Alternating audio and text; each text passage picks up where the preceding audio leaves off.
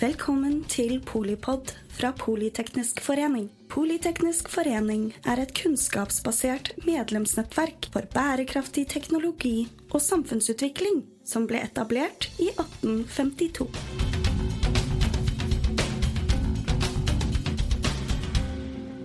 Velkommen til eh, Polipod med Terje Strøm eh, i regi av Politeknisk eh, forening, gruppe for samfunnsøkonomi. Jeg er så heldig å ha med meg Pål Næss, jobber med vekst og strategi i selskapet Gelato. Velkommen. Takk skal du ha. Veldig hyggelig å ha deg her. Du har jo også tidligere vært leder i gründerdivisjonen til Innovasjon Norge i, i tre år. Det har jeg. Fra et veldig spennende år, fra 2016 til 2019, hvor det mm. skjedde enormt mye på gründersiden i det gjorde det. Norge. Da kom det en gründerplan uh, i 2015. Så du kunne jobbe direkte med den. Og nå er det jo flere initiativer og ny giv i gründer- og nyskapingspolitikken. Vi var jo begge to, og du holdt innlegg på en høring de fire borgerlige partiene hadde eh, forrige uke. Og, og, det var veldig mange med skoene på, engasjerte gründere og folk som er opptatt av rammevilkår i Norge, som, som slapp til. Det var veldig gøy å høre på de eh, engasjerte, både nye og gamle gründere. Hva, hva tenker du i forhold til Du hadde jo noen innspill? Ja, jeg tenker Først og fremst er det jo hyggelig og viktig å se at uh, opposisjons partiene, det var Høyre, det var Venstre, KrF og Frp, tar initiativ til en sånn høring. Eh, sender de beste politikerne for å høre på oss som har skoene på. Vi fra selskapene, de fra miljøet rundt, men også investorer eh, mm. og andre som er interessert. jeg tror jo, Det er, det er ikke tvil om at gründere også er viktig for dagens regjering. Eh, de jobber jo mye med det. og Jeg vet at det var en annen høring nå nettopp eh, med gründere og minister Vestre. Jeg tror det er viktig signal å gi at her, eh, dette er faktisk det vi skal leve av framover. Hva skal vi gjøre for å sikre at vekstvilkårene er så gode som mulig? Og da tror jeg det er lurt å lytte til de som har skoene på. Ja, og de, de var opptatt av mange ting. både opsjonsbeskatning, eh, formuesskatten selvfølgelig på arbeidende kapital og noen andre ting. Du var også innom uh, SkatteFUNN, faktisk? Ja da, jeg har, uh, har, noen spørsmål rundt SkatteFUNN. Jeg lurer litt på eller jeg, synes vel man skal se på den ordningen. Det er en ordning som koster mye penger. som er basert på en søknad og en rådgiver som skal forstå. Dette er en rettighetsbasert ordning. Det er ikke sånn som Innovasjon Norge hvor du skal vurderes veldig på vekstmuligheter og innovativt høyde. En ordning som koster veldig mye penger. Jeg liker jo heller ikke eh, det faktum at veldig mye av pengene går til konsulenter som skriver søknadene for mm, selskapet. Det husker jeg det var en grunn til at Ny Analyse droppet ut av det der. At jeg syns det ble for uh, dodgy i forhold til det, og litt sånn black box. Ja, dodgy eller dodgy. Det er i hvert fall ikke det jeg tror pengene er ment å gå til. Uh, og Derfor synes jeg man skal se på hele, hele ordningen og vurdere den. Mm. Det kan være mer treffsikre måter å skape vekst på. Mm. Og skape ny forskning og utvikling. Jeg ser det. Men på hans annen side så hjelper den jo veldig veldig mange bedrifter som jeg klar over at det hadde jo noen oppe også på den høringen, at de liker SkatteFUNN-ordningen eh, flere av de andre. sånn at vi ikke, Og jeg husker også når jeg jobbet i NHO og i Høyre på Stortinget tidligere, så var man jo fornøyd med den ordningen, for man visste at den gikk til å hjelpe næringslivet. og det er jo også en bra ting. Eh, så, så, så, det er bare litt min Bare det å ha med det supplementet, da. Ja da, viktig. Det er, det er, viktige penger. Alle penger som går til dette, dette området er viktige penger. Mm, det er eh, og det er viktige penger for selskapene som får det også. Ja. Spørsmålet mitt er bare er dette den beste måten å bruke de pengene? Mm, Eller kan man få enda mer effektiv bruk av de pengene ved å gjøre det på en annen måte? Ja, Det skjønner jeg kjempegodt. Og så ser du også i den samme Uh, leia ligger jo dette med de, altså batterifabrikkene og denne nye liksom, samfunnsoppdragstankegangen. Uh, vi skal selvfølgelig komme tilbake til de tingene som du brenner for, men bare Det er jo Det virker som at Vester kanskje har litt problemer nå med dette freierselskapet og dette med at uh, jeg, jeg syns jeg så at aksjekursen falt 90% og at det var noen som hadde fått 100 millioner personlig. Jeg bare tenker hva slags gründervirksomhet er det jeg har drevet med i over tolv år i forhold til på bakkenivå? Ja da, nei, eh, jeg kjenner ikke til Freyr sånn veldig godt. Jeg synes Det er, det virker jo som at det nesten finnes uendelig med penger til visse områder. Mm. Eh, og det er klart eh, da er det litt surt.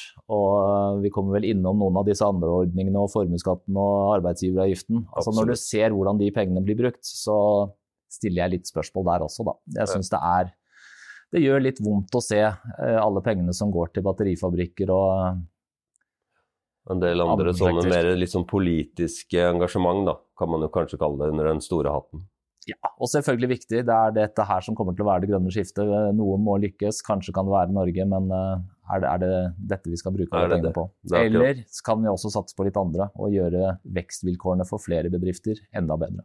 Mm, jeg er enig. Det, men i forhold til den eierskapsbeskatningen, den har jo vært veldig oppe lenge. Den er veldig politisk. Jeg syns det er veldig fint at Merete Nygaard kommer inn som oppstarter og kvinne og lager litt sånn eh, bråk i den åndedammen, så ikke det bare er gutta boys på 60 pluss med mange milliarder på all over som sier enten at den er forferdelig, eller at de betaler den med glede. Det er liksom gjerne sånn når du først har lykkes på slutten av arbeidslivet. Så, men hva tenker du? Det er jo fortsatt noen viktige ting som er uheldig med den, kanskje?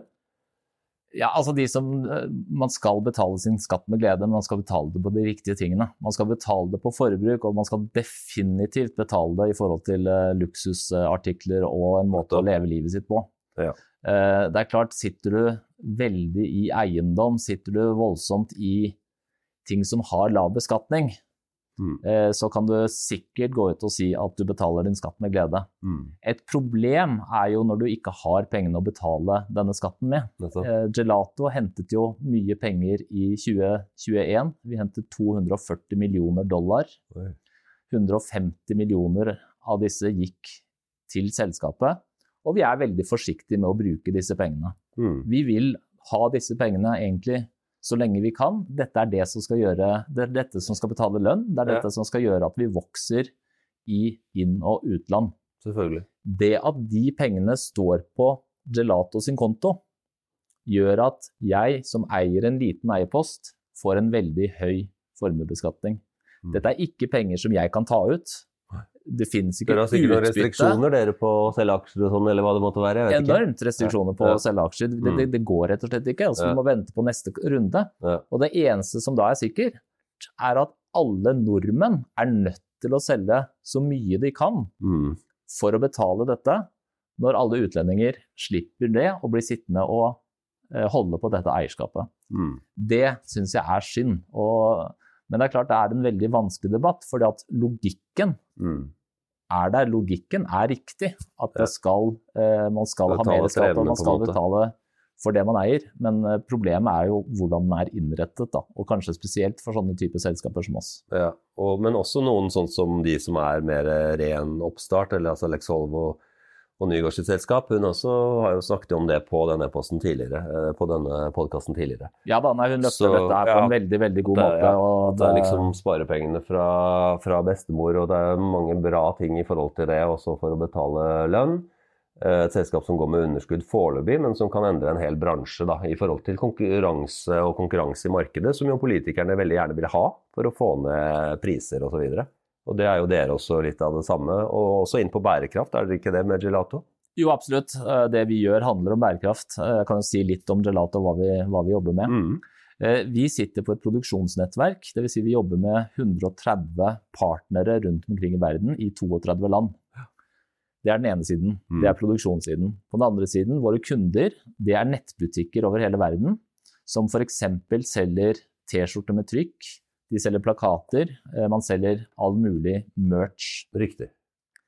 Hvis du som nettbutikk her i Oslo selger til en kunde på New Zealand, så vil vi finne en produsent som produserer og sender dette til din kunde på New Zealand. Yeah. Raskere, smartere og definitivt veldig mye grønnere. Mm. Så dette er eh, det Gelato er bygget på. Eh, og det er klart, vi omsatte for over en milliard kroner i fjor, mm. i 2022, og vokser videre med god takt. Ja. ja. Det er kjempebra. Og den biten med at det er lokalt eh, For det går jo inn på, Vi har jo Nyanalyse har jo denne ringvirkningskalkulatoren hvor vi velferdsbidraget fra næringsliv, da, som vi har gjort for DNB nå de siste seks årene. Og den viser jo akkurat den biten rundt uh, hvor mye en virksomhet uh, bidrar med, og også da med dette med hvor mye arbeidsplasser. Jeg så f.eks. ved å gå inn på uh, DNB ringvirkninger nå på Gelato, så var det jo 570 arbeidsplasser hos eh, underleverandører hos, eh, hos dere i forhold til eh, norske virksomheter. Så det er helt utrolig bra. Og I tillegg er det jo veldig mange sykepleiere og lærere og det som kommer i den uh, filmen. Så den må folk bare gå inn på. og Det er en gratistjeneste. Vi leverer velferdsbidraget hvert år, og har nettopp gjort det nå for uh, ti dager siden. Så du blir jo stolt av det, gjør du ikke det, når du ser den? Jo, absolutt. Den er jo både Det er veldig gøy å se, og det er veldig motiverende å se. Dette her er ringvirkninger av det vi gjør i Gelato her i Norge. Og så har jo vi ansatte i veldig, veldig mange andre land. Mm. 17 eh, kontorer i 15 land, pluss da 32 produksjonsland, som jeg sa. Ja. Så, så det er jo derfor vi gjør dette her, det er derfor vi skaper. Og det er klart, for én, altså én eh, rundt miljø er veldig viktig, men det er klart at det sosiale Eh, S-en. Mm. Det å skape arbeidsplasser, det å gi like muligheter til en skaper som sitter her i Oslo i forhold til å bygge et globalt selskap. Ja. Det er jo også veldig mye av det vi holder på med i Gelato. Ja. Nei, for den biten rundt sosialt ansvar, samfunnsbidrag og uh, governance, da, på en måte med å få til dette, og med, som et digitalt måte, selskap fra Norge, det er jo ikke noe selvfølge, liksom. Vi, det er selvfølgelig, Du har Telenor og du har noen få selvfølgelig svære. Tieto Øvre er vel ikke akkurat norsk lenger. og du har noen andre, Du hadde Opera Software, husker jeg jo veldig godt i gamle dager da jeg jobbet i NHO som et selskap som ble solgt til utlandet. Og du har mange andre også som veldig ofte forsvinner eh, ut. da.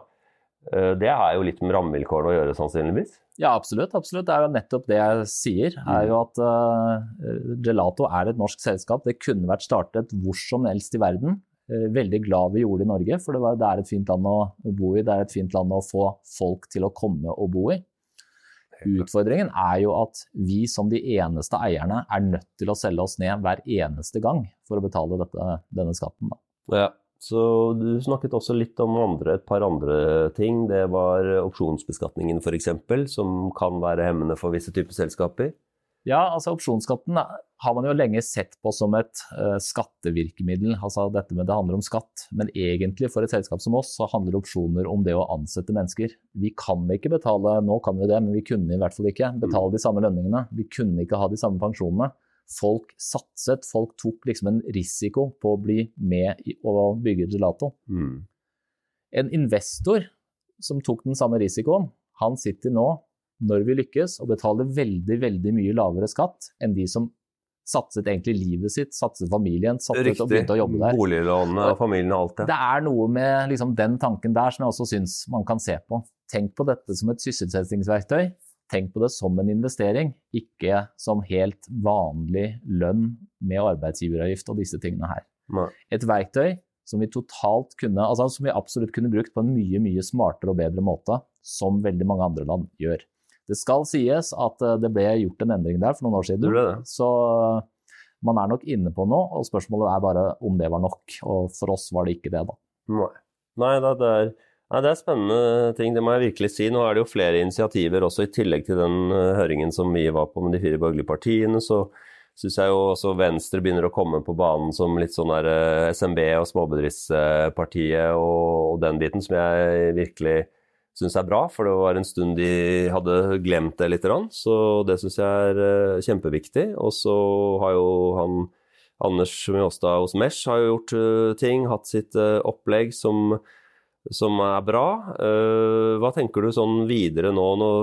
Man vet jo i Norge at det sant, er veldig store ringvirkninger av både små og store selskaper. Uh, det er jo Av de små så er det jo 98 eller noe sånt nå har jo under 20 ansatte f.eks. Det er jo de som er liksom hverdagsnæringslivet. Uh, men, men, likevel så er det litt sånn som at du har en følelse av at politikerne tar det litt for gitt at næringslivet er der, og den olje- og gassektoren produserer jo fortsatt så vidt mye inntekter og arbeidsplasser. Og det er jo litt rart. Vi, vi, liksom, vi kan vel ikke klage på at vi har olje- og gassinntektene, men samtidig så skal vi jo omstille oss til noe annet, da. Ja, jeg tror vi kan se litt tilbake på 2015, for da var det jo også utfordringer innenfor olje og gass. Ja. Da kom gründerplanen som virkelig endra mye. Da ble det liksom et krav til veldig mange at nå må man se på gründerne. Man er nødt til å komme med kapital, det kommer kompetanse, det kommer nettverksprogrammer. Ja. Vi gjorde en stor forskjell. Vi ser i dag at det er masse initiativ. Mm. Vi ser da vi, den høringen vi var på. Vi vet at, man, at uh, gründerne også driver og organiserer seg for å få fram sitt poeng. Det gjør de. Det burde være så lett. Og jeg tenker liksom å komme med en ny gründerplan nå i 2024 hadde vært nødvendig. Og virkelig satt liksom enda mer gass på hvordan skal vi bygge morgendagens næringsliv. Mm. For det er Det kommer til å endres. Det kommer til å endres, som uh, uh, Nils Olav. Lundme i Abelia sa. Mm. Eh, Det er ikke sånn at forrige regjering gjorde alt riktig heller, på ingen måte. Nei. Det er ikke sånn at dagens regjering gjør ting på riktig måte. Det vi vet, er at hele verden jobber nå så hardt de kan med å få olje- og gassnæringen til å bli mindre verdt framover. Mm. Så vi har altså hele verden uh, er, er, er egentlig mot oss. Ja, og vi gjør altfor lite for å kunne stå opp, ikke for olje og gass, men for morgendagens næringsliv. Bygge selskaper eh, sånn som Gelato og mange andre flere. Ja, Mange Nei, det, det er jeg helt enig i at der er det noe, og samtidig veldig vanskelig å finne den der riktige balansen i forhold til hva som, som eh, på en måte gir inntekter i dag, men å klare å tvinge seg selv til en omstilling som kommer eh, på en måte raskere enn det kun lommeboka bestemmer for landet. Da. Eh, det er jeg med på. Jeg ser også hvor utrolig mye mer positive ringvirkninger det er rundt oppstart og næringsliv og gründerskap enn da jeg startet med en annen økonom i 2010. Da var det bare helt sånn der, hva er det man gjør som, som akademiker? Starter en egen bedrift og ikke skal jobbe i departementet eller Norges Bank. Men nå så er det, og før var det oljeingeniørene sant, med duppedingsene som startet. Nå er det så mye mer gøy med det miljøet rundt eh, entreprenørskap og nyskapingspolitikk. Og Det syns jeg virker oppløftende i forhold til den høringen som vi var på. Det har heldigvis skjedd mye. Da, da Henrik, eh, vår eh, gründer, eh, ringte meg i 2006 og så jeg sa at ja da, jeg slutter i Tele2 for å bli med på dette ett og et halvt år uten lønn. Riktig. Det var mange som lurte på hva i all verden var det du, er det du holder på med, Pål? Ja. Nei, men det, Da er jeg veldig glad for at du gjorde det. Var hos Innovasjon Norge, dro tilbake til selskapet, og at det går bra. Og så får vi bare tenke at rammevilkårene, rammevilkårene nå fremover kan jo nå bli helt klart en god del bedre. Og la oss håpe at de initiativene som den nye vekstorganisasjonen og den høringen og annet arbeid som eh, Gelato, Ny Analyse, Politeknisk forening jobber med for å få til bedre nyskapingspolitikk fremover. Vi får krysse fingrene. Da gjør vi det. Tusen takk skal du ha, Pål. Takk, takk. Takk for meg. Takk for at du lyttet til Polipod fra Politeknisk forening. Få med deg flere episoder, eller bli med på nettverksmøtene, som du finner ved å søke at polyteknisk, eller gå på vår hjemmeside polyteknisk.no.